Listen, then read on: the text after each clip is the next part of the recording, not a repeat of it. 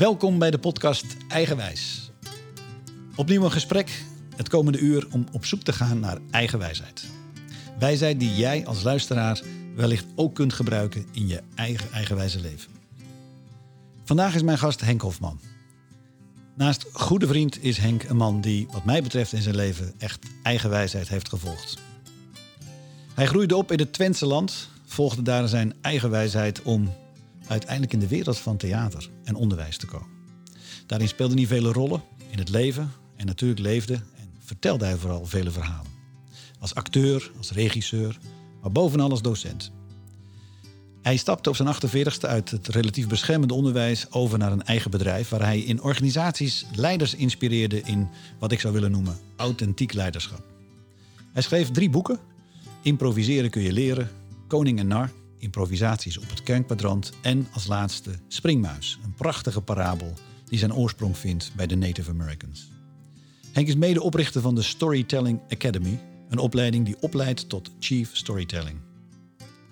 Henk is daarnaast echtgenoot, vader, opa en met hem ga ik op zoek via zijn eigen verhaal naar eigen wijsheid.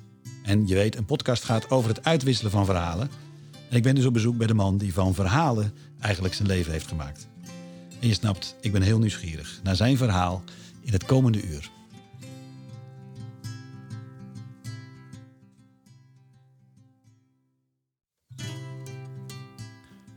Welkom Henk.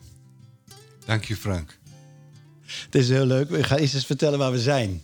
Henk, we zijn in, in Stroe. En daar heb jij een ongelooflijk mooi plekje gevonden. Een dacha. Een dacha heet dat. Nee, dat zo heet het niet, zo noem ik het. Een dacha. Nou, het is in ieder geval een fantastisch plekje op een, ja, hoe noem je dit? Een park? Klein parkje. Klein parkje. Ja, klein parkje. In Stroe. En ja, je hebt hier een klein paradijsje gemaakt. En wij zitten letterlijk weer aan jouw keukentafel. Ja, precies. Om dit gesprek te voeren. En ja, Henk, wij kennen elkaar al lang. En een van de dingen die ik aan jou koppel, ik koppel heel veel aan jou, komt wellicht uh, in het gesprek wel ter sprake, is uh, de prachtige Twentse uitspraak, wat wordt. Ja, wat wordt. Goed, goed, goed, goed gedaan, Frank. Kieken wat wordt. Ja, ja voor een westerling is het... Uh, kieken wat KWW. Ja. Iedere Twent, iedere tukker, iedere, iedere, iedere persoon uit het oosten van het land... die kent de uitdrukking kieken wat wordt. Ja. En, en waar staat het voor? Laten we onderzoeken wat het is of wat het wordt. Laten we laconiek zijn. Um, we mogen enthousiast zijn, maar je weet nog niet precies waar het op uitdraait. We moeten zien wat het wordt. Ja. Allons voir, zei Willem Wilming toen hij in Frankrijk een gelegenheidsorkestje maakte. Willem Wilming was, ja. net als Herman Vinkers, een groot voorbeeld voor mij. Is een groot voorbeeld voor mij. En, um, en, en, en Willem Wilming die was ook trekaccordeonist. Hij maakte liedjes en zong daar ook bij.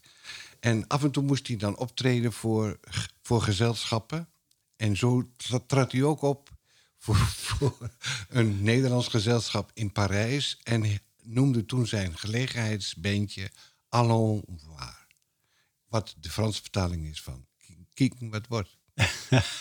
het is mooi, hè? want ik zit tegenover jou als ja, jij bent verhalenverteller, je bent storyteller. Je bent daarin voor mij altijd heel inspirerend geweest. Ben je nog voor vele mensen. Um, en je weet dat ik je uitgenodigd heb voor dit gesprek, omdat het over eigen wijsheid gaat. En inmiddels ben jij, uh, laten we zeggen, toch wel de categorie oudere jongeren. Hè? Daar behoor jij wel toe. ik hoor uit de vergeten. Ik ben van de vergeten generatie van de vaccinatie. De 70 okay. jaren die krijgen nog steeds geen oproepen. En ze weten ja. niet waardoor het ja. komt. Maar in ieder geval ben jij iemand met een rijke historie. Als, herken jij mijn, ja, mijn, mijn predicaat dat ik jou de nodige eigen wijsheid toedicht? Um, als je bedoelt dat ik eigenwijs ben geworden, dat ik mijn wijsheid heb gevonden, dan hoop ik dat het zo is. Ja. Dan denk ik ook dat dat zo is, al, al vind ik het echt, echt altijd lastig om dat voor jezelf vast te stellen. Ik heb liever dat jij of iemand anders zegt, nou dat is een, is een wijze of een verstandige uh, opmerking of ja. van Henk of van, van iemand.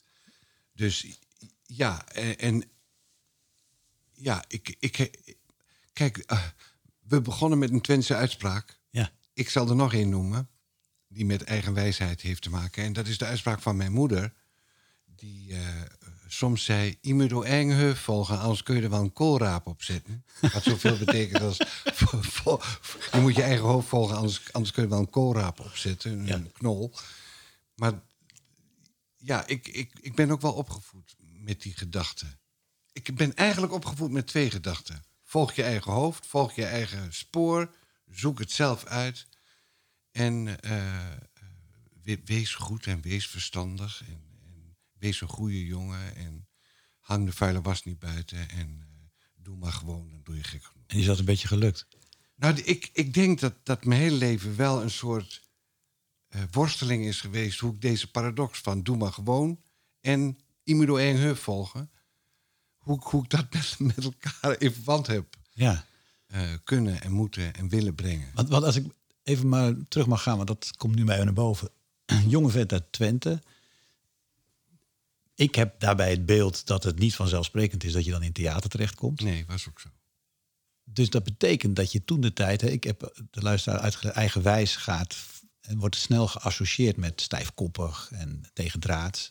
Maar zoals ik het hier graag wil belichten, gaat het over eigen wijsheid. Dus je eigen wijze van hoe je je wijsheid vindt en vervolgens toepast. Maar daarvoor, en dat is een beetje paradoxaal, heb je wel wat eigen wijsheid nodig in de betekenis van je eigen sporen. Soms stijfkoppig zijn.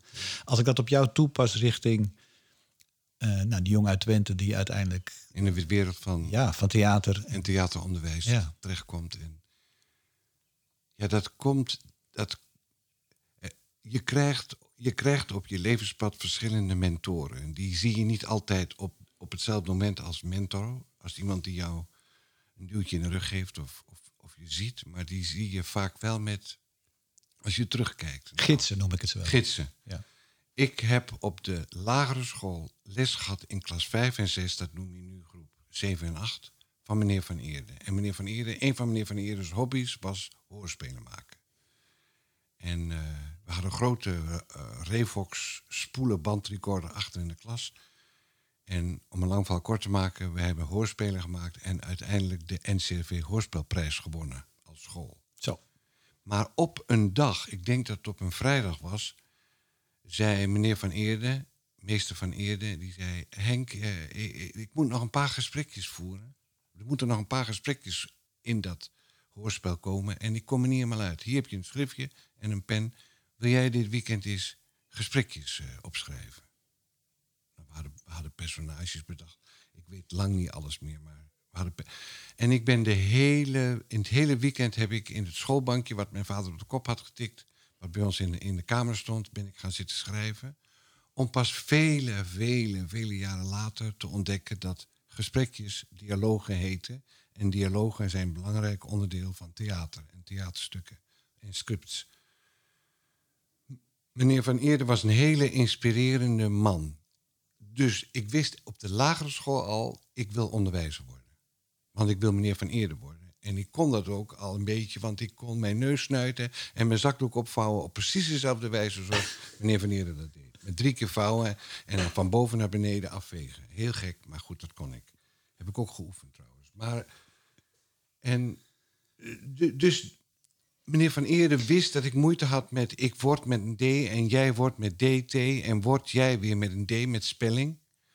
Maar die wist dat ik ook heel graag vertelde over mijn fantasieën. Nou, die aansporing om dialogen te schrijven is denk ik een bron geweest. Een belangrijke bron waar, iets is, al iets aangeraakt van ik wil iets in die richting.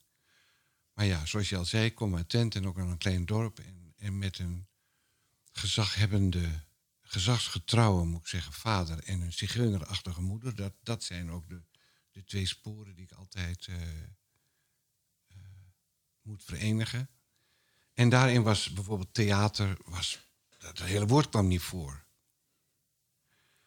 Dat was één. Dus onderwijzer worden was een heel goed, een, een, was een goed beroep. En ik wilde dat zelf ook. Ik wilde namelijk meneer Van Eeren worden. Dat is alleen maar versterkt door leraren die ik kreeg op de middelbare school, waarvan ik dacht, zo wil ik worden en zo wil, zo wil ik niet worden, waren ook gidsen. En op de kweekschool, dat heette toen nog zo, daar heb ik een keer een cursus gevolgd. En die heette verbale expressie. Ik weet nog heel goed. Eigenlijk was het gewoon theater. En daar was een dame met rossig haar. Ik heb het verhaal vaker verteld, waar ik ook weer onmiddellijk een beetje verliefd op werd. Story of my life. En die introduceerde ons het Griekse theater. Daar deden we wat monologen uit en, en, en daar werd nog meer aangeraakt. Ik wil hier wat mee. En het gekke is dat wat ik toen als 18-jarige ontdekte en leerde van die mooie dame met dat rossige haar, was dat er in het Griekse theater twee hele belangrijke factoren, elementen, onderdelen zijn. En dat is de held. Nou ja, daar heb ik over geschreven, Frank, en daar heb ik jou een keer over verteld. En het koor. En de held is, is degene die, aan wie het verhaal zich voltrekt. En als de held uh, tragisch ten onder gaat, dan heet het ook inderdaad een tragedie. En als de held door allerlei botsingen en rare dingen toch blijft bovendrijven, dan heet het een komedie.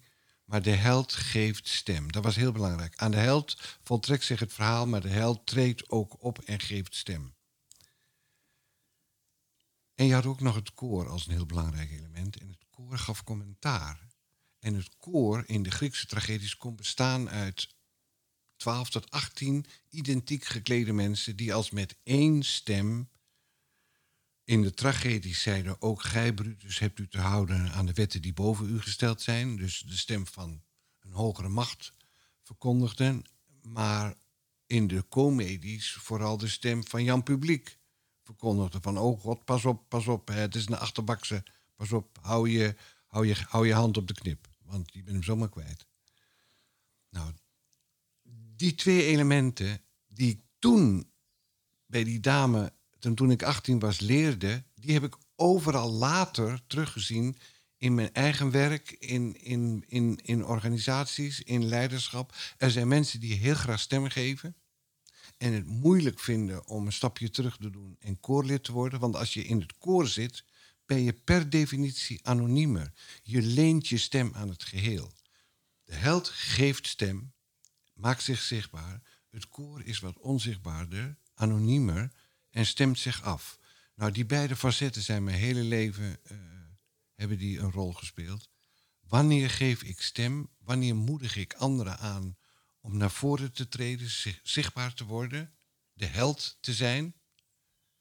En wanneer vraag ik om afstemming? En het bijzondere is, en dat heb ik altijd, dat is echt een deel van mijn werk geweest, in alle groepen zie je die dynamiek dat sommige mensen graag zeggen, die kant moeten we op, maar moeilijk vinden om zich af te stemmen. En dat er ook mensen zijn die het heel graag, die zich heel comfortabel vinden in het afstemmen en niet zo graag naar voren willen stappen. Maar de leukste groepen, heb ik echt altijd gevonden, is, zijn die, die clubjes, die groepen, waarin van nature de dynamiek bij ieder mag plaatsvinden. Dan mag die eens naar voren stappen, omdat hij terug kan, kan stappen. En dan die is en dan die is.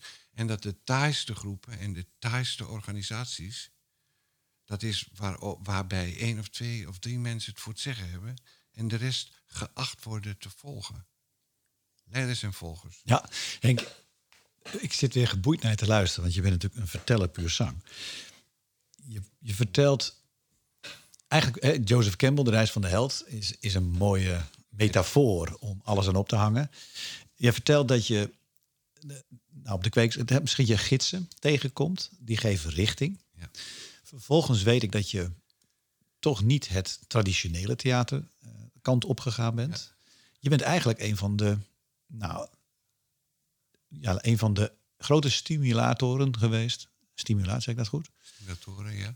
Van het, improvisatie, of van het improvisatietheater in Nederland. Ja, en terugspeeltheater. En terugspeeltheater, waar niet traditioneel script leidend is. Nee maar letterlijk dat wat zich laat zien. Ja. Kun je daar, want hoe ben je daarin terechtgekomen als het gaat over je eigen wijsheid volgen? Ja. Weet je dat nog? Ja, ik, ik denk terugkijkend, maar er zijn vele verhalen te vertellen, maar ik denk terugkijkend heb ik altijd geweten dat ik een uh, Louis van Gaal was. Ik kon een betere trainer worden dan dat ik voetballer was. Ik heb met ontzettend veel plezier geacteerd en geregisseerd en geschreven. Allemaal functies die je in het theater kan vervullen. Maar ik voelde mij niet echt tot in het diepste wezen een acteur. Ik voelde mij ook niet in het diepste wezen een regisseur, terwijl ik wel een mooi stuk heb gemaakt. Ik voelde mij ook niet in het diepste wezen een schrijver, terwijl ik wel mooie dingen, ook met name voor jeugdtheater, heb geschreven. Ik was een lesgever. Ik was toch gewoon echt meneer Van Eerde. Ja. Dus toen het improvisatietheater kwam, nadat ik een mislukte experiment had uitgevoerd met een groepje mensen, waarin we een waanzinnig, fantastisch theaterstuk zouden maken, maar het helemaal verkeerd ging, omdat de hoofdrolspeler en de regisseur verliefd werden op elkaar en weer gingen scheiden en daarmee het hele stuk ook. Daar was jij acteur in? Of? Ja, was ik acteur in. Ehm, en toen ontdekte ik, eigenlijk als een pleister op de wonden, heb ik me ingeschreven voor een cursus eh, improviseren van mijn enorme leermeester. Ik heb een aantal leermeesters en Keith Johnson is echt een van de allergrootste. Canadees, als ik het goed zeg. Een Canadees. Ja, eigenlijk een Engelsman die naar Canada is, is gegaan.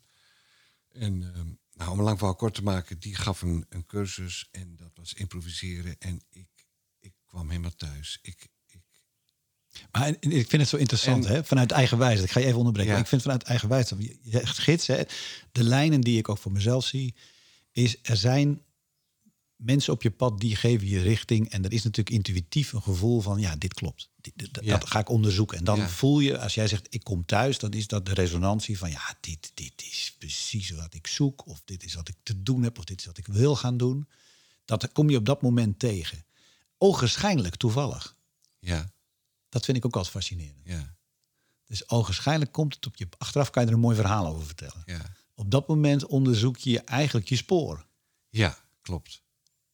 Maar dat doe je minder bewust dan dat je nu vraagt. Ja, precies. Dat vind ik het fascinerende van eigen wijsheid. Is ook voor een deel luisteren naar wat zich wil laten horen. Klopt dat? Ja, want, want wat is de vraag waarom ik bijvoorbeeld zo geïnteresseerd raakte in improvisatie? Je kwam echt thuis. Ja. En dan komt de volgende vraag. En dat is, wat is dat?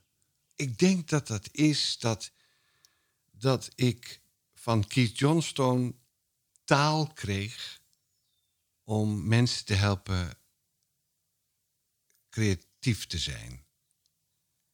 Blokkades op te heffen. Uh, verhalen te maken. En, dat, en, ik was in mijn lesgeven, want ik, was al, ik ben, al, ben altijd lesgever geweest. Ook al heb ik dingen gemaakt, ben ook altijd lesgever geweest. Maar ik kwam natuurlijk in mijn lesgeven regelmatig op het spoor van blokkades. Mensen die niet goed durfden. Uh, of mensen die zichzelf over, overschreeuwden, overacten. Te veel investeerden. Waardoor je er eigenlijk niet meer naar kon kijken. Want het was allemaal veel te veel.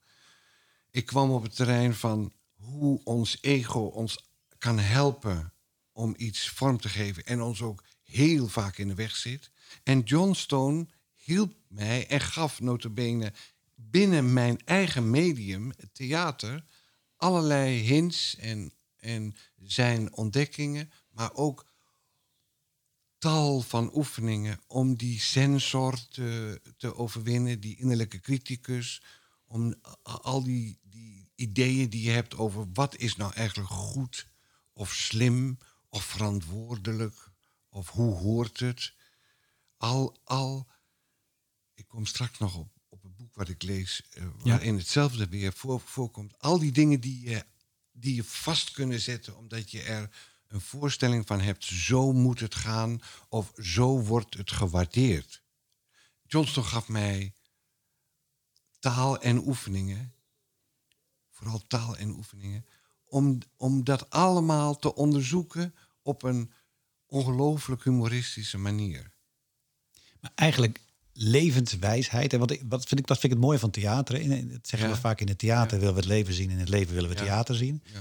Maar hij, en ik heb het een paar keer bij hem mogen ervaren, of meerdere keren bij hem mogen ervaren, kwam ook met een aantal spelregels, principes, leidraden, die eigenlijk, eigenlijk levenslessen zijn. Ja, nou ja, zo die je overal op kan toepassen. Zo, zo, um, Ik heb, ik heb lange tijd een beetje romantisch gedacht dat ik wellicht de enige was die uit zijn improvisatielessen de levenslessen haalde.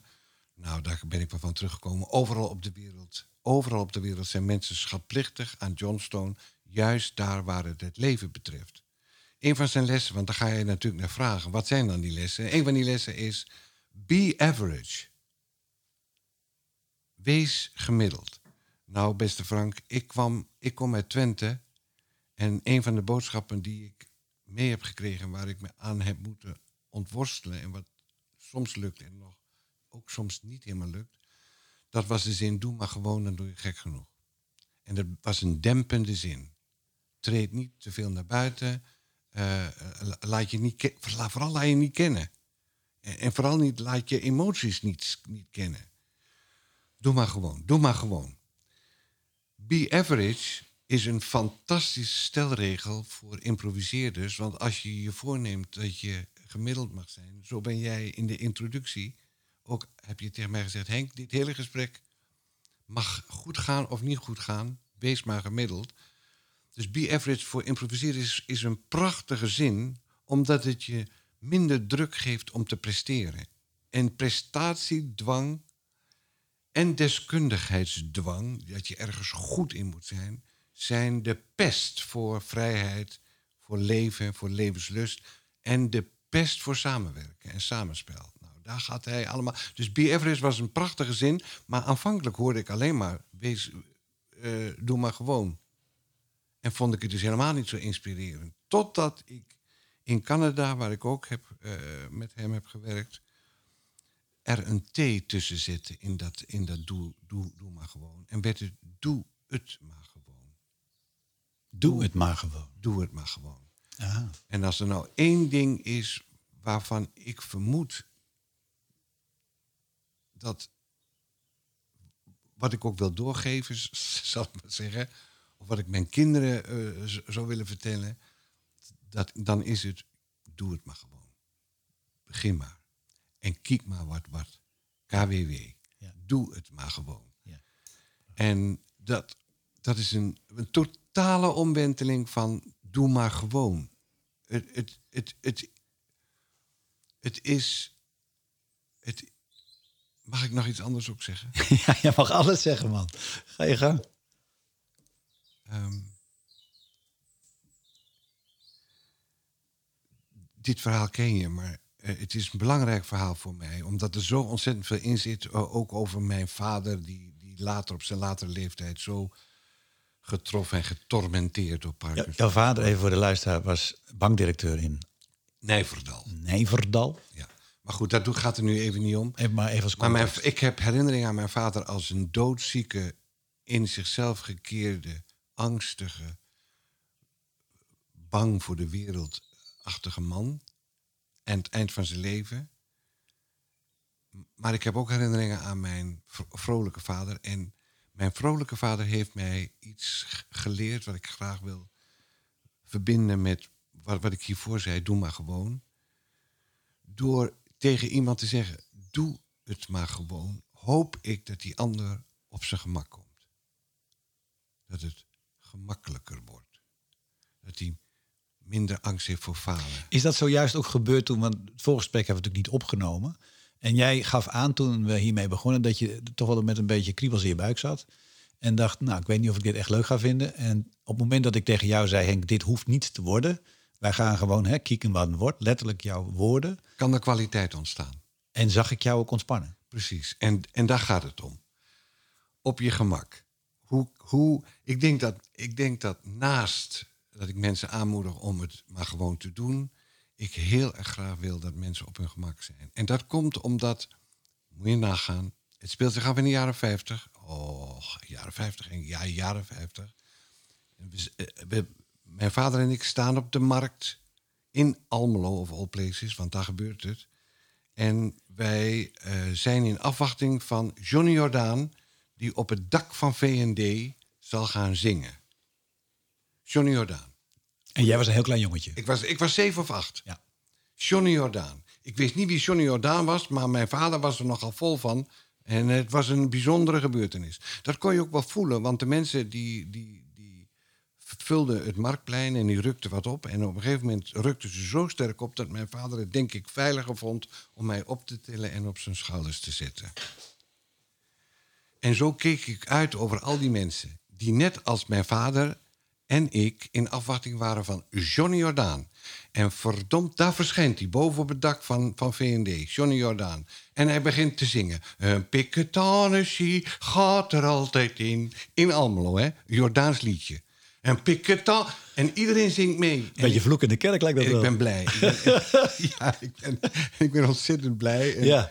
en, ehm, en hij zingt nog een tweede lied, wat ik, dat ben ik even kwijt. En vlak voordat hij Droomland gaat inzetten, wat hij heel va- vaak ook met Willy Alberti heeft gezongen. Voor, voor mensen, voor, ik denk, nie, weet niemand meer wie Willy Alberti was, maar dat doet er niet toe. De vader van Willeke Alberti. En eh, Paul de Leeuw heeft volgens mij ook nog een versie Ja, van je heeft daar Droomland een versie. Ja, zeker. zegt mijn vader, die kijkt naar mij omhoog en die zegt tegen mij: Henk, jongen, als Johnny op zijn gemak is, dan trekt hij zijn stropdas los. Nou, mijn vader heeft het nog niet gezegd. Of Johnny Jordaan bij de eerste tonen van droom trekt hij zijn stropdas los. En ik denk, Johnny Jordaan is op zijn gemak. En ik denk, mijn vader is op zijn gemak. En ik kijk om me heen en ik denk, iedereen is op zijn gemak. En ik voel me ook zo op mijn gemak. En is En ik, een prachtig verhaal. ik denk echt, daar is begonnen mijn, mijn verlangen dat ik op mijn gemak ben en dat jij op je gemak bent, Frank, en dat iedereen op zijn gemak is. En mijn, mijn hele werken in de improvisatiewereld, waarin ik eigenlijk alleen maar wil dat mensen vriendschappelijk met elkaar omgaan, opdat ze op hun gemak zijn. En omdat ze hun eigen stem mogen vinden. En, En, dat, ja, hun ah, eigen absoluut, verhaal mogen. Absoluut. en absoluut. op verhaal mogen komen Ja. en al die mooie. Ja, ja. Ja, prachtig. Henk, dan is er nog een bijzonder moment in jouw leven. En dat is dat je bent inmiddels in het onderwijs terechtgekomen. Je hebt daar hele mooie dingen gedaan, ook in de, wereld van therapie. En dan ben je, als ik het goed herinner, rond je 48ste. En doe je echt een hele grote stap in mijn beleving. Want je zit in de wereld van onderwijs relatief veilig als het gaat over arbeidsomstandigheden, arbeidsvoorwaardelijk. En je maakt de stap om zelfstandig te worden en de wereld van organisaties in te gaan. Ja.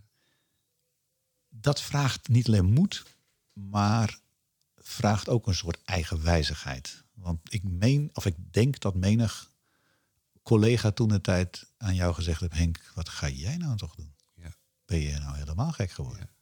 Ja. ja, het vraagt misschien eigen wijsheid, maar het vraagt ook noodzaak. En ik droogde op. Ik, moest erkennen dat ik in dat werk, behalve het werk met studenten, dat ik in het werk wat met organisatie en met beleid en met, laat ik maar zeggen, vergaderingen. Ik werd gek van de vergaderingen. Ik, ik ervoer mezelf als het, als het dunste exemplaar van mezelf in vergaderingen. Ik had ook Ja. altijd in vergaderingen conflicten. Maar ik, ik ga je onderbreken. Nee, want- nee, die- oh, sorry. oh, Ik wil je dus eigenlijk. de noodzaak, Ja. dus, dus het, het, het vraagt een soort eigenwijsheid om de stap te nemen om uit een beschermde omgeving te gaan naar iets totaal nieuws. En daar komt hij. Want dan sta je, en, en daar wil ik eigenlijk naartoe, hè, dan moet je een sprong maken in het diepe. Ja, maar ik, wat ik wil zeggen, Frank, en je, ik wil die sprong in het diepe ook wel vertellen. Maar als de noodzaak er niet is, als je niet bij jezelf ervaren hebt, ik ga dood, symbolisch, het Ja. gaat niet goed met me. Ja. Al die dingen die van belang zijn, status, geld, eh, reputatie, eh, eh, liefde voor het vak, alles is niet voldoende om levendig te voelen, dan dan is de, de keuze om iets anders te doen niet zo eigenwijs. Die is noodzakelijk. Ja, dan wordt het bijna een soort overleving. Want en eigenlijk wat je probeert, en daar ging ik iets te snel overheen. Wat je eigenlijk probeert te zeggen is, als je dus niet trouw blijft Ja. aan dat innerlijke kompas, Ja. dan krijg je allerlei uiterlijke Ja. weerstanden, fysiek, mentaal enzovoort, die eigenlijk richtingaanwijzers blijken te zijn achteraf. Om te zeggen, hé hey joh, verkeerde weg, verkeerde straat. En verkeerde theater. precies, het, het verkeerde stuk. Verkeerde theater, op weg naar een nieuwe. Ja. Maar dat is wel noodzakelijk om die grote stap te kunnen maken. Dat is eigenlijk wat je Dat zeg ik. Het is een noodzaak. En, en, en, en daarnaast komt een soort eigenwijs. Kijk, mijn eigenwijsheid zat hem volgens mij in het feit dat ik een corrivé als Daniel Ofman, wat toen een corrivé was, en hij geloofde er toen ook nog in, als ik dat zo mag zeggen. Ik heb hem onlangs weer gesproken, dus ik mag dit zeggen volgens mij. Maar uh, dat ik tegen, toen ik een keer een lezing van hem had gevolgd... en, en waarin hij eindigde met... ik zou nog wel eens wat willen, willen schrijven over energie... en energie in organisaties. En iedereen heeft altijd de mond vol over het woord energie. En je kan het ook soms ruiken als je een deur open doet. Maar wat het nou precies is... en wat de parameters zijn waaraan je zo'n fenomeen energie... of een gebrek aan energie kan beschrijven. Dat is nog helemaal niet zo makkelijk. Ik moet je even onderbreken, want voor de luisteraar, Daniel Ofman, uh, auteur van Bezieling en Kwaliteit in Organisaties. In de jaren negentig was dat het managementboek van het jaar, als ik me goed herinner. En in die tijd, want we praten over eind vorige eeuw, ja. was hij op dat gebied van organisatieontwikkeling echt een, eh, ja, een autoriteit. Ja. En dus daar hebben we het over. Ja, daar hebben we het over, over die Daniel. En dat hij dus dat schreef over energie en dat ik zei aan het eind, goh, Ehm, mag ik iets schrijven over, mag ik je iets vertellen over of schrijven over uh, hoe ik uh, energie en het opbouwen en het samengaan van energie, hoe ik dat zie binnen improvisatie, uh, theaterimprovisatieprocessen. Ja, dat, dat vond hij wel goed. Nou, toen heb ik de hele nacht geschreven. En wat ik toegeschreven heb op die nacht, is denk ik ook een basis geworden voor al mijn werk. En het stroomde weer en stroomde. Maar hij reageerde dus niet. En nu komt het eigenwijs. Hij reageerde niet. En hij reageerde nog niet. En ik belde een keer en hij reageerde weer niet. En uiteindelijk had ik zijn telefoniste mee. En die zei: Goh, nou heb je al voor de derde keer gebeld, Henk. Ik zal nu toch wel eens. Ik zal Daniel nog, nog eens een keer aan zijn, aan zijn taas trekken en dat hij jou moet antwoorden. Nou, ik had ondertussen afscheid genomen. Dus er was ook weer een noodzaak om, nog, om weer wat te vinden. Een nieuwe manifestatie van wat ik, wat ik wilde doen, weer te vinden. En, uh, en ik was zo erg wijs om te denken: Daniel, jij kan mij wel gebruiken. Ik kan iets toevoegen aan jouw denkwijze. Nou, dat heb ik later wel eens van gedacht. Hoe heb ik toch die overtuiging gehad en die, en die moed? Maar dat had ik echt en heb ik overigens nog. Maar dat had ik echt. En, dat, en dat is ook die eigen. Dat vind ik een interessant fenomeen. Dus er is een soort innerlijke bron die donders goed weet wat hij wil toevoegen. Ja. En waar hij, waar hij iets bij kan dragen. Ja. En daar ook uiteindelijk voor bent gaan staan. Ja. Ja, daar ben ik echt voor gaan staan. Ja. ja. En uiteindelijk kreeg je contact met, de, met Daniel. Ja, ik, ik was ondertussen naar uh, Australië afgereisd voor een congres en voor een paar workshops. En ik had vlak voordat ik vertrok, had ik een kaart aan hem geschreven met daarop, beste Daniel, dit is de laatste poging van mij om met jou in contact te komen. Ik denk dat we iets samen moeten ontwikkelen. Maar als jij dat niet vindt, be my guest, dan beschouw dan deze kaart als de laatste oproep. En ik was nog niet geland. Nou duurde het ook al een heel behoorlijke tijd voordat je in Australië bent geland. Of ik kreeg een telefoontje van Marta, mijn vrouw, en die zei: Er ligt hier een brief van Daniel. Of een kaart van Daniel. Zo is het. En zo is het begonnen. Zo is dat stuk begonnen. Ja. En ben je uiteindelijk de wereld van organisaties ingegaan? En heb ik, ben ik Daniel mijn hele leven dankbaar dat hij mij een platform heeft gegeven. En ben jij in leiderschapsprogramma's ja. in organisaties terechtgekomen, waar je eigenlijk dat wat je op scholen deed, ja, vertaald heb. Ja. Het ging altijd over ehm, hoe kun je samenspelen, hoe kun je improviseren, En welk verhaal vertel je als leider? Dus hoe kun je je afstemmen en, som, en ook richting geven? Want dat hoort bij spelen, afstemmen en richting geven. En hoe kun je ook. Uh, en welk verhaal vertel je? Dus vertellen, verhalen en, en, spelen zijn de basis. Uh, Henk, wat, wat ik zelf. Pijlers. Ja, wat ik zelf altijd een beetje. Wat ik echt interessant vind, is dat wat niet lukt. Hè? En dat niet vanuit uh, de drama, maar meer vanuit mijn overtuiging dat dingen gaan niet vanzelf. Je, je beschrijft de moeilijke overgang van onderwijs naar de volgende stap. Ja. Ik, eigenlijk mijn vraag is eigenlijk, is de, ik, ik heb het eens genoemd de prijs van eigen wijs. Dat is een mooi tegeltje. Maar ik bedoel er eigenlijk mee te zeggen, je hebt nogal wat weerstanden te overwinnen. Nou weet ik, dat komen we zo op, de Storytelling Academy, dat het programma tot Chief Storytelling eigenlijk de reis van de held als kapstok heeft. Ja. Nou is de reis van de held van Joseph Campbell natuurlijk een, een wereldbekend boek. En hij beschrijft daarin hoe eigenlijk elk verhaal en elke film een bepaalde structuur kent. En eigenlijk is dat exemplarisch voor een mensenleven. Ja. Als ik dat nu toepas hè, op jouw eigen verhaal ja. tot op heden. Dan zit ook in de reis van de held de prijs of de weerstand of het keerpunt. Eh. Kun jij wellicht kort beschrijven wat die reis inhoudt en dat we hem dan kunnen gebruiken om een aantal dingen van eigen wijsheid te duiden? Ja, in het kort komt de reis van de held erop neer dat in bijna alle verhalen, en dus ook in onze eigen levensverhalen, er een verlangen ontstaat, een oproep tot avontuur, een stap over de drempel om je ook aan het avontuur over te geven. De eerste successen die je dan bereikt, het lukt, het lukt. Ik, ik heb mijn verlangen eh, kunnen manifesteren. Het, het lukt. Ik ben nu op de plek waar het goed gaat. Ik voel me en dan, begint, en dan begint gedonder. En dan begint gesodemiet. Dan begint gesodemiet. Dan moet je nog, zoals mijn collega Mieke zou zeggen... dan moet nog de hele nacht, je moet nog de nacht door. Als je een boek zou lezen of iemands verhaal zou horen... waarin hij zei, oh, uh, ik zat daar en daar en daar... En ik kreeg het, verlangen om dat en dat en dat te doen. En, en, en, ik heb dat verlangen gevolgd. En, en ik heb succes gehad. Dan zou je zeggen, nou mooi, gefeliciteerd, volgende. Dan deed het je niks. Dat is gek. We willen heel graag dat, dat iedereen succes heeft. Maar als je een succesverhaal vertelt, alleen maar een succesverhaal... zonder dat je vertelt wat het je heeft gekost... of hoe, hoe je ook getwijfeld hebt op welke... Daarom, daarom Frank, eh, ik spring nu... Er worden op dit moment verhalen verteld die gaan alleen maar over het succes wat we gaan bereiken.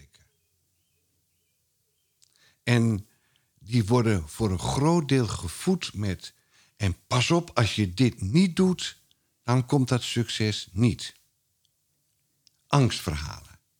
Nou, ik geloof niemand meer in de hele wereld die vanuit angst een verhaal vertelt van pas op, als je dit niet doet, dan gebeurt er dat. En ik geloof ook niemand meer, welke leider dan ook, die alleen maar vertelt hoe goed hij ergens in is. Ja. Wat dat betreft is Trump voor mij een fantastisch voorbeeld geweest van hoe ik het niet wil. En ik denk dat Trump ook, maar nu, het is, nu vat ik alles samen, ook een hele belangrijke factor is geweest in het, in het, in het collectieve, in onze collectieve ontwikkeling. Maar goed, even terug naar. Even, even, terug naar Kemmel. Want nou de nacht. Dus de nacht die.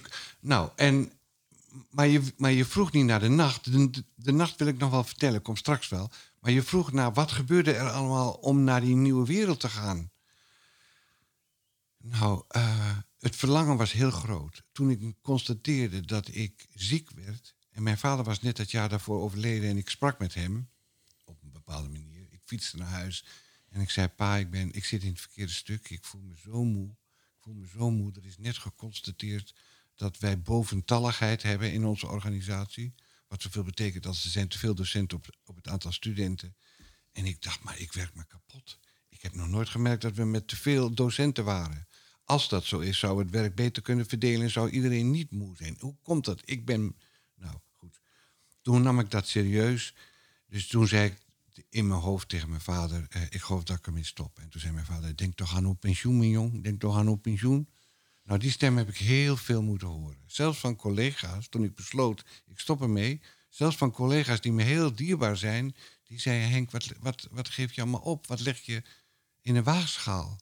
Je geeft je, je geeft je werk op, je geeft je reputatie op. Je, je geeft je liefde op, het werken met studenten. Wat geef je? En je weet nog helemaal niet wat je gaat doen. Nee, maar dat verlangen was zo groot. En en het was zo, ik voelde me zo niet meer levend. Ik moest dat wel doen. En toen kwam vanuit die gedachte van er is boventalligheid, de vraag van de toenmalige directeur: hoe zou het zijn als jullie een deel van je, van je uh, hoe heet het, uh, takenpakket of van je, van je aanstelling zou inleveren en daar krijg je een compensatietje voor? Hoe zou je dat vinden? En toen dacht ik, ja, ik geef een deel op. En, en, en de volgende dag dacht ik, ik geef twee delen op. En, en, en de derde dag dacht ik, maar dit is, ik, ik geef alles op. Ik wil mij een tijdje laten compenseren voor alles wat ik opgeef. Dus geef mij de tijd enzovoort. Nou ja, waar ga je dan in begeven? Ik dacht, ik moet iets doen met Daniel. Met Daniel Hofman. Ik, kan iets met, ik, ik had een vermoeden dat ik met mijn improvisatiemethodiek en met mijn liefde voor verhalen iets kon doen in een andere organisatie. En Daniel ben ik ontzettend uh, dankbaar dat hij mij daar ook toe heeft uh, uit, uh, opgeroepen en aangemoedigd. En dan komt een soort iets magisch. Dus ik zat te dubben over het feit, als nou straks die compensatie ophoudt en ik heb nog niks, hoe moet ik het dan doen? Mijn oudste zoon, die toevallig ook Daniel heet, die gaat nou net studeren. Hoe moet ik dat dan financieel redden? En ik zat buiten en ik zat daar een beetje over na te denken. Toen kwam Daniel, mijn zoon, naast me zitten, 17 jaar. En die gaat naast me zitten. Nou, dat was al bijzonderheid, want Daniel was altijd in beweging. Dus die ging naast me zitten. En die zei, waar zit je toch aan te denken, pa? En ik zei, nou, ik zit te denken aan dat uh, ik eigenlijk wil stoppen met het werk. Maar dat ik dan niet weet of ik wel voldoende geld verdien om, jou, uh, om jouw studie te kunnen bekostigen. Waarop Daniel, nog steeds naast me gezeten, groot wonder, zegt... Pa, als ik het goed begrijp, als jij minder verdient, krijg ik meer studiebeurs. En toen dacht ik, ik leef in deze tijd, in dit land, in deze omstandigheden. Waar maak ik me zorgen over? En onmiddellijk daarna dacht ik, die duif die nu voor me zit op het dak van het huis aan, uh, aan de andere kant voor me. Als die duif opvliegt en over me heen vliegt, dan ga ik het doen. Dan ga ik zeggen, ik stop ermee. Maar als die de andere kant op vliegt, dan is het nog niet de tijd ervoor. Ik heb nog niet gedacht, die duif die vliegt op, vliegt de andere kant op. Ik denk, oh. maar ik zie dat die omdraait en werkelijk recht boven mijn hoofd achter me begint te vliegen. Dus dat was het teken. Dit is interessant, want je, je brengt het als een prachtig verhaal, maar dat is ja, en, en vertrouw je op dat soort tekens? Zo lijkt het. Eigenlijk steeds meer, Frank. Ja. En, en Toen was het denk ik toch ook wel een spel. Ja. Maar, maar ja, ik vertrouw, ik, vertrouw, ik, vertrouw, ik vertrouw eigenlijk steeds meer op dat we tekens krijgen. Ik, ik wil er met je naartoe, maar ik wil voor de luisteraar je vragen om nog even de reis van de held, gewoon even, even de draad te vertellen, zodat we daar later weer nou, het, het, het belangrijkste van na het eerste succes komt er een verval in alle verhalen.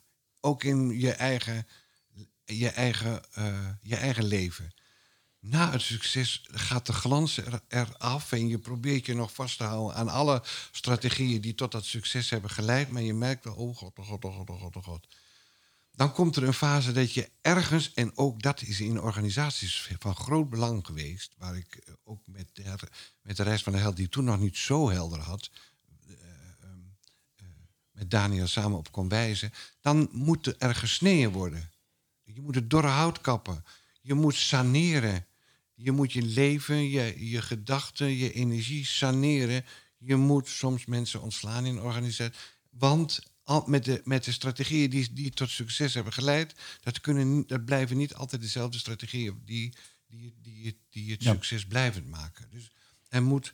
Je moet dat is de fase van de dolk. Dat is een hele belangrijke fase. De fase van de dolk. De dolk, zo heet dat in de reis van held. En als je niet op tijd de dolk hanteert, en dat moet je niet altijd zo heel dramatisch zien, maar schoon schip maakt, je boekhouding op orde brengt, je opnieuw overweegt van wat staat mij nu te doen. Als je dat niet op tijd doet, dan wordt het voor je gedaan. Dan krijg je de dolk in je rug. Dan... Ik, ik krijg onmiddellijk de associatie met de tijdsgeest waarin we leven. Hè? Want de dolk staat voor corona, iedereen wordt stilgezet. We moeten allemaal opnieuw laten we zeggen, ons anker zoeken, onze verhouding vinden. Mooi, mooi gezegd, uh, ja.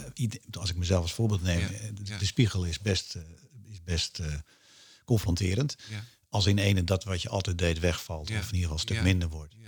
En je toch jezelf de vraag stelt, ja, en nu? Dus ik, onmiddellijk heb ik die associatie. Het, maar is, het is de dolk en het is ook de crisis. Want onmiddellijk na de fase van de dolk in de reis van de held... Komt, wordt de nacht nog dieper, dan komt de crisis. Hmm. Nou, corona is absoluut collectieve crisis. Ja. En in de collectieve crisis heb je twee dingen. Als je geschoren wordt, dan moet je stilzitten. Je moet het dus uitzingen, zei degene waarmee ik gisteren sprak. Je moet het uitzingen en die laat ook mensen weer zingen. Hmm. Die, laat, die zoekt het, het lied op wat nu gezongen moet worden. Dat is ook een beetje ja, mooi, mooi.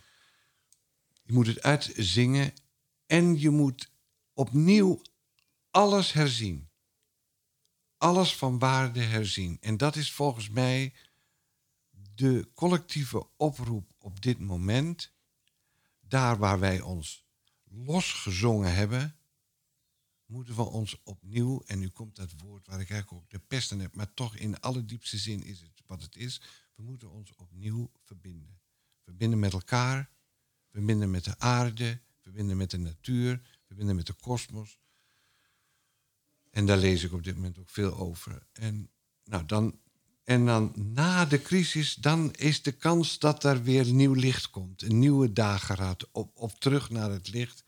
Om uiteindelijk de, dat wat je gevonden hebt en ervaren hebt, de schat, de, het elixir, het medicijn, om dat uh, te, om dat beet te vatten, te pakken, te omarmen en weg te geven. Fantastisch. Want daar, gaat het, daar gaat het over. Dus de reis van de held staat eigenlijk symbool voor als ik bezig ben met een podcast over eigen wijsheid, eigenwijs zijn, eh, je eigen wijze, je eigen wijsheid vinden, dan is dat telkens heel erg mooi te, te koppelen aan de reis van de held. Ik denk het. Ik denk het absoluut. Ik denk. Ja, dat is even voortschrijdend inzicht. Ja. En, het is sowieso leuk om jezelf een, uh, als held te beschouwen. Je held in je eigen verhaal. Ja. ja. Dat, is, echt leuk. Is ja. echt leuk. En, en, je niet als slachtoffer. Ja, dat, dat, dat is een verschil. Dat is een mooi bruggetje, Henk. Want jij bent met Mieke eh, de Storytelling Academy begonnen. Ja. En dat is eigenlijk een ongekend succes geworden. Ja, ik geloof het wel, ja.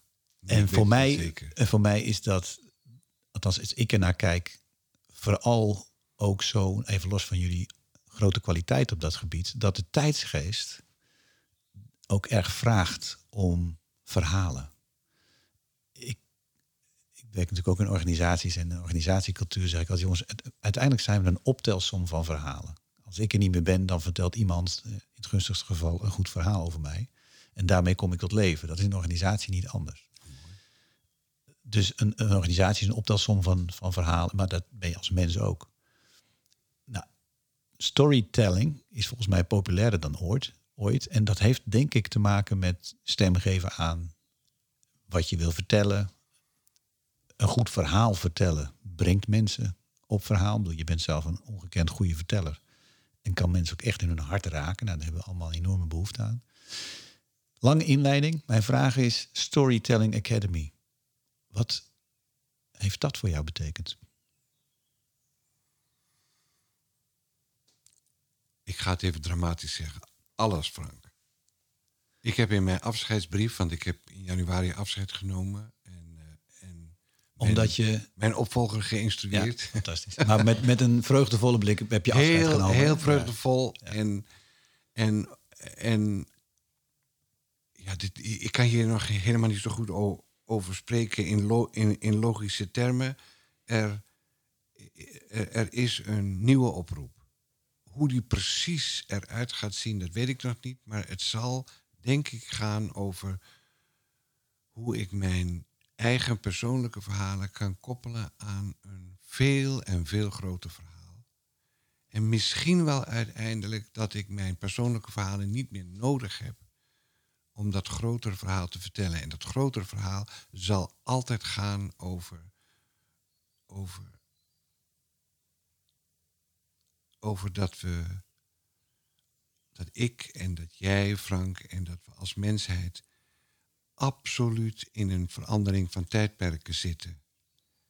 En dat de noodzaak om groter te denken, ons niet meer af te scheiden van alles en iedereen, ook niet meer in, in het niet meer denken in wij en zij, of, wij, of ik en het, of de, maar dat we, dat we deel uitmaken van één groot kosmisch geheel. Daar zal waarschijnlijk mijn, daar zal uiteindelijk dat, wat ik doe en wil vertellen, zal daarover gaan. Tot nu toe moet ik daar nog mijn eigen verhalen over uh, als aanleiding en inleiding voor gebruiken, maar daar zal het over gaan. Wat was in godsnaam jouw vraag? ja, ik vind het prachtig waar je naartoe gaat. En ik denk dat dit op zichzelf een podcast is. Want ik, ben, ik, ik kom zeker een keer terug om dit jou hierop te gaan bevragen. Maar de vraag die ik had was de Storytelling Academy. Oh ja. En wat dat voor jou alles, even in de alles. alles zeg jij? Ja, alles, alles. Dat is, maar dat is ook. Eh, en, iets en waar staat mij- dat voor? Als je kijkt naar jouw Werkelijk eigen... alles, Frank. Vertel. Mijn hele leven, alles wat ik heb geleerd, dat heb ik ook in de brief geschreven, in mijn afscheidsbrief. Alles wat ik heb geleerd, waar ik mee geworsteld heb, de dwaalwegen die ik heb bewandeld, de dingen waar ik echt van overtuigd ben geraakt en die ik dol en dolgraag zou willen doorgeven. Ehm, de liefde voor eh, de verhalen van eh, indigenous people, eh, natuurvolkeren, Inheemse, vol, ja. Inheemse bevolkingsgroepen. Mijn, mijn improvisatie-ervaringen en werk, eh, ehm, mijn kennis over lief en leed, eh, het overlijden van Marta, de nieuwe liefde van, voor Karin, alles werkelijk, alles. je- Marta, jouw vrouw. Ja, Karin, mijn jouw vrouw. nieuwe Mijn nieuwe vrouw. Alles. Ik, ik heb mij zelden zo fijn gevoeld. Ik ging veel studeren en ik ging ook veel opschrijven, maar ik hoefde niks meer te, stu- te studeren. Om iets te doen of om een interventie te plegen of, of om mensen aan te moedigen. Ik, ik, ik, ik heb heel vaak een, een soort genadig gevoel gehad van... God, het leven heeft me helemaal gebracht tot, tot hier. En nou mag ik het en, delen. en nou mag ik het allemaal... Ja. Ik mag ah, Alles geven. op mijn bek houden. Dat kan ook heel goed zijn. Dat lijkt er nu niet op in dit gesprek, maar... Maar dat, ja, ik... Nee, dat... nee, nee, ja, nou ja, ja, goed. Maar ik, ik, ik breng je even terug op het spoor. Ja. Storytelling Academy. Het is alles, alles. voor je. Eh, je wordt daar opgeleid tot Chief Storytelling. Ja. Wat is de, even ook vanuit wijsheid, wat is de kracht van verhalen? Wat, waarom een Storytelling Academy? Waarom is dat zo van wezenlijk belang?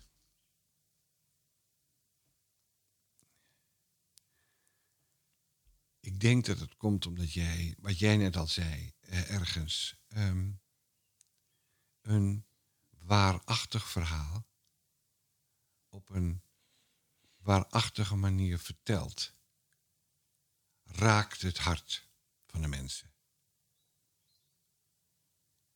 In je hoofd kan je bediscussiëren of je het ermee eens bent of niet.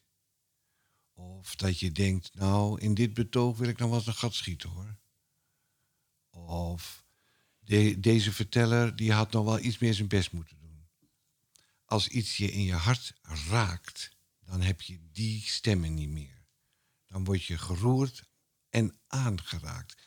En, en doordat je aangeraakt wordt, wil je misschien wel veranderen. Wil je misschien wel iets ontdekken. Wil je misschien wel iets leren. Wil je ook misschien wel iets aanvaarden. Nou, jongen, dat is de bron van, van, van, van, van alles. Dus een goed verhaal, goed verteld, op het goede moment aan de juiste mensen, in de juiste context, maakt een wereld van verschil. Niet nu, altijd. Altijd, Frank. Ik kan soms romantisch verlangen naar een kring van mensen waarin de een begint te vertellen over eh, dat hij ontdekt heeft dat als hij minder diep ploegt, dat de natuur zich sneller herstelt. En dat de ander gaat vertellen over dat hij ontdekt heeft dat als hij niet te snel nee zegt tegen zijn kind, dat het kind meer, dat het kind blijer wordt. Ik zeg maar wat gekke dingen die nu bij me opkomen. Maar hoe we elkaar zouden kunnen bevruchten met de ervaringen die we hebben en die we tot een verhaal hebben gemaakt. Nou, Frank, met, met zo'n enthousiaste beschrijving van mij over de kracht van verhalen, hebben we onmiddellijk iets ook, eh, eh, eh, hebben we ook het tegendeel. Ook de mensen die verhalen vertellen, niet vanuit liefde, want daar gaat het over. Vertel je de verhalen vanuit liefde, maar de verhalen vanuit angst bijvoorbeeld, kunnen fantastische storytellers zijn. Dus de ingrediënten waarmee een goed verhaal het hart raakt, kunnen dezelfde zijn waarmee je totaal van, uh, verlamd raakt. Of, of dat je hart overslaat. Of, of nou ja. Dus de andere, het andere effect heeft. Ja, dus het is. We leven op dit moment in een, in een wereld waarin volgens mij het grote nieuwe verhaal opnieuw moet worden verteld. En heel veel oude verhalen, die werken niet meer. Of de vertaling van oude verhalen werkt niet meer. Bijna alle verhalen, voor zover ik het zie, en dat klinkt ook ontzettend hoogvaardig, maar bijna alle verhalen die ik ken vanuit de kerk, die met angst te maken hadden, zijn niet waar. Ze zijn gewoon niet waar. Ze zijn vals. Daar waar mensen angst wordt aangedaan en dat mensen uit grond, op de, uit grond van angst hun gedrag bepalen, dat gaat verkeerd. Dat gaat altijd verkeerd. En zijn die dan in jouw termen niet waarachtig? Die zijn. Nee, want boven. Oh Frank, nu, nu vraag je me iets wat, waar ik nog helemaal. waar ik ontzettend graag over vertellen wil, maar waar ik nog helemaal niet kan. Nee. In de dood van Martha, in het sterven van Martha, in, eh, ben ik zo diep geconfronteerd geraakt met dat de angst voor sterven bijvoorbeeld is onderdeel van de liefde voor het leven. Dus het moet mogelijk zijn om angst onderdeel te laten maken van dat grote bad van liefde.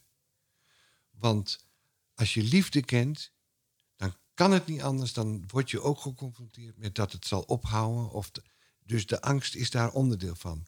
Van angst kun je bijna nooit, ik ken het niet, naar liefde toe groeien. Daar moet ik over gaan vertellen. Een goede vriendin van mij, Eta, zei altijd: angst is gevangen liefde. Dat past wel in het verhaal wat jij nu zegt. Nou, als we dat zouden kunnen ontdekken, dat angst eigenlijk gewoon de andere kant is van iets wat nog veel groter is misschien. Als we dat zouden kunnen ontdekken, nou dat ontdek ik, denk ik, op dit moment met Karin. Af en toe in onze liefde voelen we ook grote angst. En op het moment dat we terug kunnen keren naar, naar dat die angst,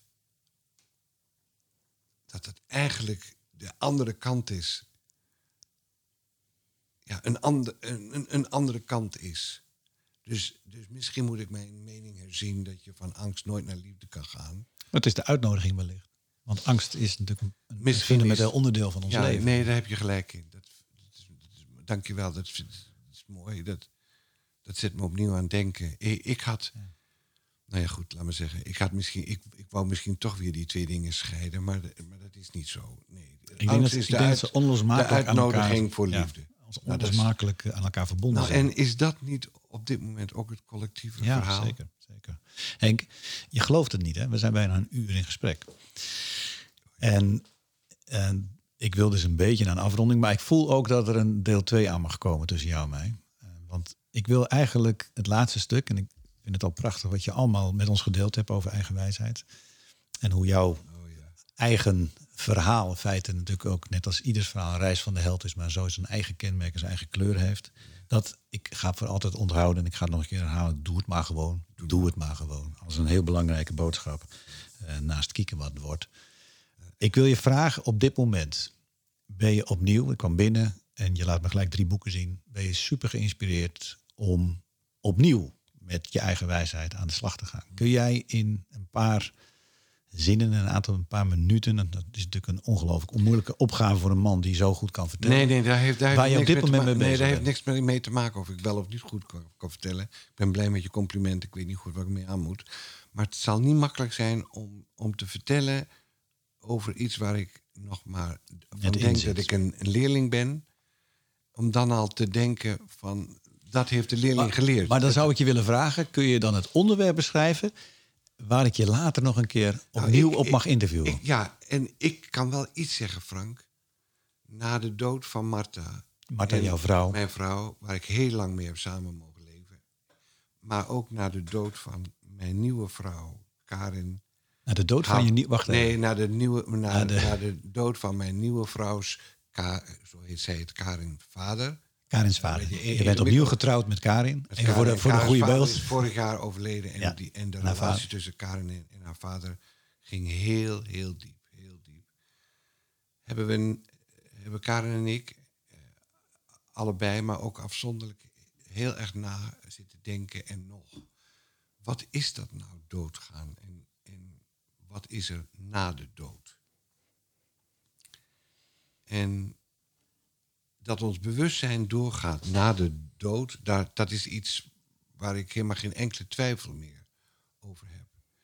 En tegelijkertijd word ik heel sterk aangemoedigd en geconfronteerd met dat weliswaar ons bewustzijn doorgaat nadat we het aardse leven hebben achtergelaten, maar dat het aardse leven waar we in zitten, daar moet het gebeuren. En daar gebeurt het ook. En daar, daar worden wij voor taken gesteld en voor. Want je zei aan, voordat we met dit, deze podcast begonnen, hadden wij een voorgesprek. Toen kwam dit ook even aan de orde. Ik zie fantastische boeken liggen waar je vol in zit. En toen zei je: het werk is hier, is nu. Is hier, ja. En, nu. En je refereerde naar. Met ook de mensen om je heen nu. Ja, zeg daar een paar dingen over. Ja, die, dat is, dat is waar ik nu op dit moment zo in, in leef. Het lijkt wel alsof niks meer toevallig is. Maar dat het je toevalt? Dat, het, dat de dingen die ik zie, die mij opvallen, dingen die ik hoor, wat andere mensen zeggen, ontmoetingen die spontaan plaatsvinden. Uh,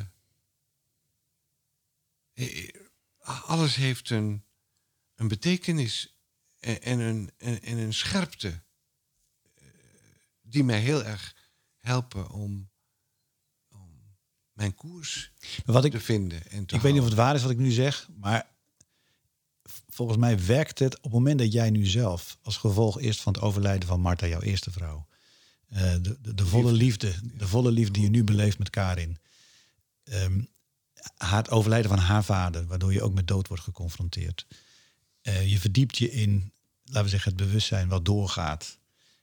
Het feit dat je je daarmee bezighoudt, maakt dat je ook sensitiever bent voor datgene wat er om je heen op dat vlak gebeurt. En wellicht dus veel fijngevoeliger en veel scherper waarneemt, waar je, waar je wellicht daarvoor wat makkelijker overheen stapte. En je dus ook meer aangeboden krijgt op het onderwerp waar je mee bezig bent. dat is mooi gezegd, dat is precies wat het is. Dat is echt wat ik ervaar. Dat is echt wat ik ervaar. En dat vind ik weer zo fascinerend van het leven. Dat op het moment dat jij ervoor kiest, in dit geval, om te zeggen: ik wil me daar echt in verdiepen. Uh, met alle integriteit die in me zit, want het is aan de orde nu. Ja. Dan biedt in dit geval het leven ook kennelijk. De, doet een aanbod waar je op kan spelen, in jouw termen gezegd. Ja, ja, waar je op kan improviseren. Ja. Het is fantastisch om zo te eindigen. En wat ervaringen worden. Want dat, nog even terug naar Johnstone, en dan, dan mogen we wat mij betreft stoppen. Ik, zag, ik zocht in mijn hoofd naar, ik wilde nog iets over hem zeggen. Waarom hij zo'n grote leermeester is geweest, is dat dat wat ik wist over spelen, werden nu ervaringen. En hij kon er ook nog taal aan geven, waardoor die ervaringen opnieuw weer konden worden opgeroepen. Ja. Nou, ik leef op dit moment in ervaringen, hier en nu.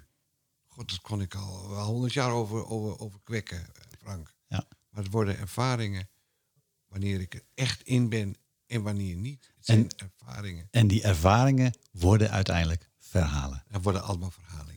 En daar hebben we helemaal prachtig afgerond voor deze podcast, denk Maar we beronden, althans dat wordt een soort ritueel inmiddels. We ronden de podcast af met een muzieknummer. Ik heb jou van tevoren gevraagd om na te denken over wat is nou een muzieknummer wat jou bijzonder uh, aan het hart, na aan het hart ligt. En jij uh, komt met een nummer wat je zelf mag gaan introduceren, inclusief het verhaal wat erbij hoort. Oké. Um, kan het nu al? Ja, ja, ja zeker. Uh, um, het belang van dit nummer is dat we het gedraaid hebben bij het verlaten van de ruimte om het leven van Martha te vieren toen ze was overleden. En het nummer is ook het nummer waar, waar Martha en ik heel erg blij om werden. En elke keer als ik het nog hoor, en ik hoop dat de luisteraar dat ook krijgt, word je er blij van. All-time favorite Van Morrison, Bright Side of the Road. Daar komt hij, Henk. The Bright Side of the Road, Van Morrison.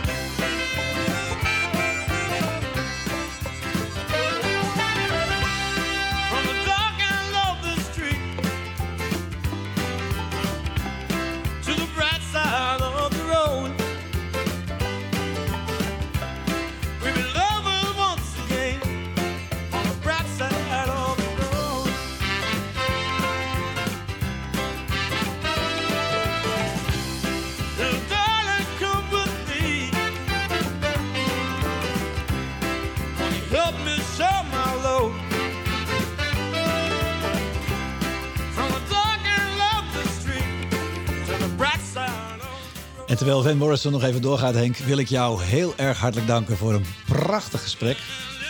Althans, we gaan het terugluisteren, maar ik heb het in ieder geval als een eh, heerlijk uur ervaren.